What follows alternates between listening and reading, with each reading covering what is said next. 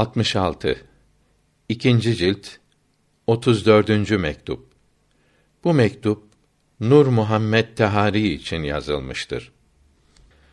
Allahü Teala'ya hamdolsun.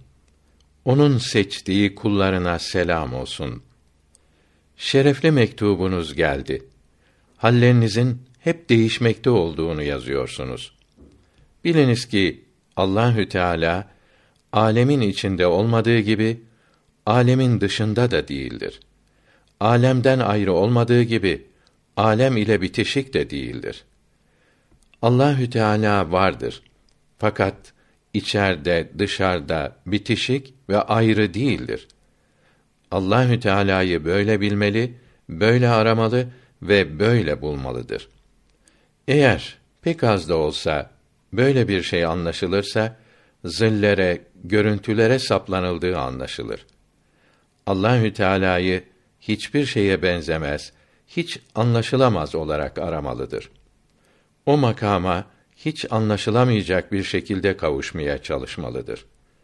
Bu büyük nimete ancak büyük alimin sohbetiyle kavuşulabilir. Söylemekle, yazmakla anlatılamaz ve anlaşılamaz. Vazifenizi yapmaya çalışınız. Buluşmamıza kadar hallerinizi yazınız.